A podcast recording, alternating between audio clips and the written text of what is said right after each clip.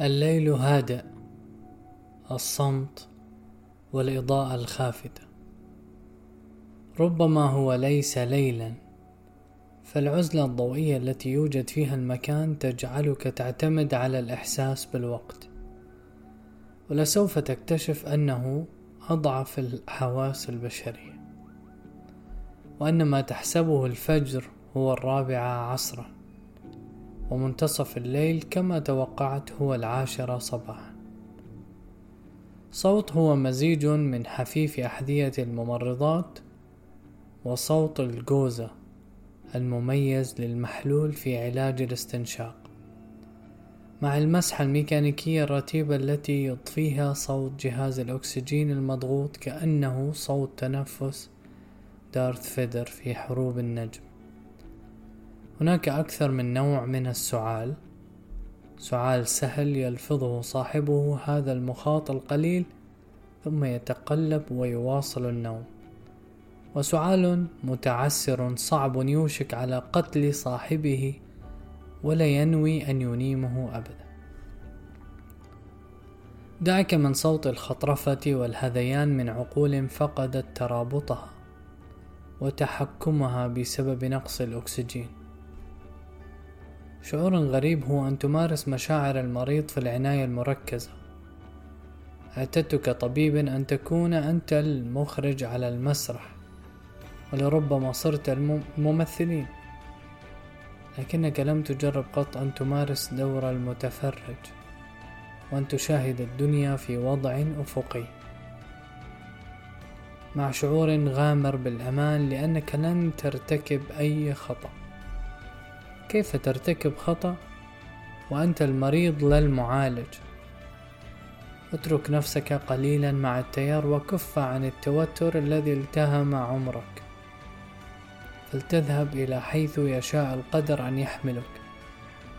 إلى أن تقرر الحكومة أنه يجب إحضار مخبر يجلس فوقك وينام فوق جثتك في القبر مع جعلك تدفع ضريبة رقاد كاملة. أسمع صوته العميق الإبن للمخبر قادما من فراش قريب تفصلني عنه الستائر. يما حرام عليكي لا رد.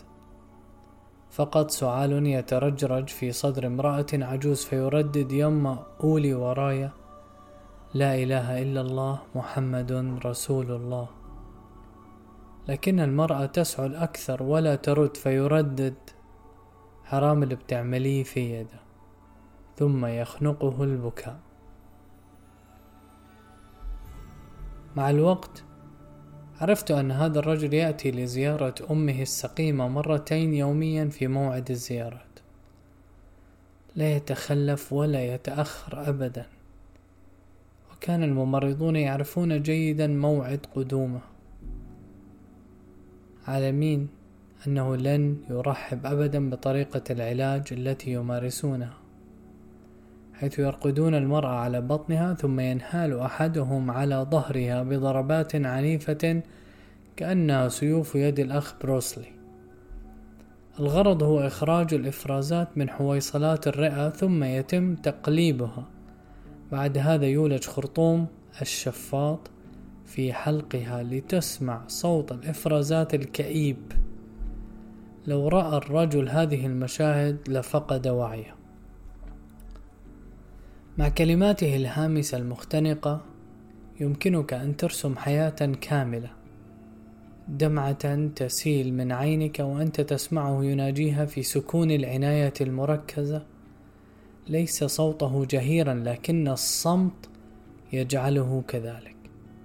فاكرة يما لما كنت آجي؟ أقضي عندك آخر عشرة أيام في رمضان كل سنة؟ أعتكف عندك وتقولي لي عاوز أطبخ لك إيه؟ نقوم نكتب لستة أكلات للعشرة أيام. أكلات من اللي كنت باكلها وأنا صغير وهالة مراتي مش بتعرف تطبخ يسود الصمت وفي جلسة أخرى تسمعه يكلم الأم التي لا ترد فيقول بعد ما أصلي التراويح في رمضان أنام وأقول لك صحيني الساعة 12 كنت بحب صوتك أوي وأنت بتناديني. قوم يا صبحي. كنت أعمل نايم عشان تناديني كذا مرة. ثم يختنق صوته. الحق إنه فعل كل ما يمكن كي يقضي على نفسه تأثرا وألما. يشغل المحمول جوارها لتسمع صوت الأذان. عارفة ده صوت مين يما الشيخ عبد الباسط. طول عمرك تحب الشيخ عبد الباسط؟ بيفكرك برمضان.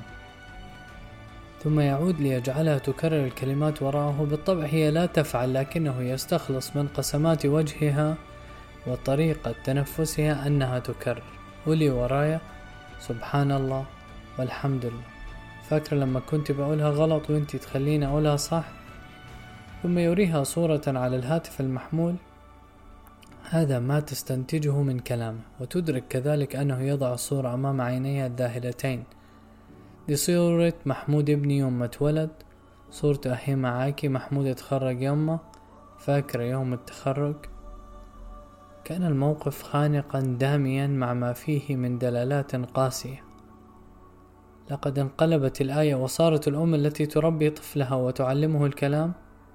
صارت هي الطفل الذي يحاول الابن تعليمه من جديد. لم يعد لها من سند واحد في هذا العالم سوى قلب هذا الابن الصغير. ومن الواضح أنها أحسنت تربيته. يما قولي وراي لا إله إلا الله محمد رسول الله. المرأة لا ترد فيردد حرام اللي بتعمليه في دا تكلمي يما قدرت أنها على الأرجح لن تخرج من هذا المكان في وضع رأسي. وعندما أخبرني الطبيب أنه بوسعي الخروج غدا فقد حمدت الله لأنني سأهرب قبل أن تموت الأم. سيكون مشهدا أقسى من أن أتحمله لو حدث أمامي. هنا ينهي البشر رحلتهم ليتم عرض فيلم حياتهم كاملا أمامهم للمرة الأخيرة. عندما جاء المساء سمعت صوت سعال واهنا من الفراش المجاور لي. هذه المرة كان الصوت قادما من الفراش على يساري.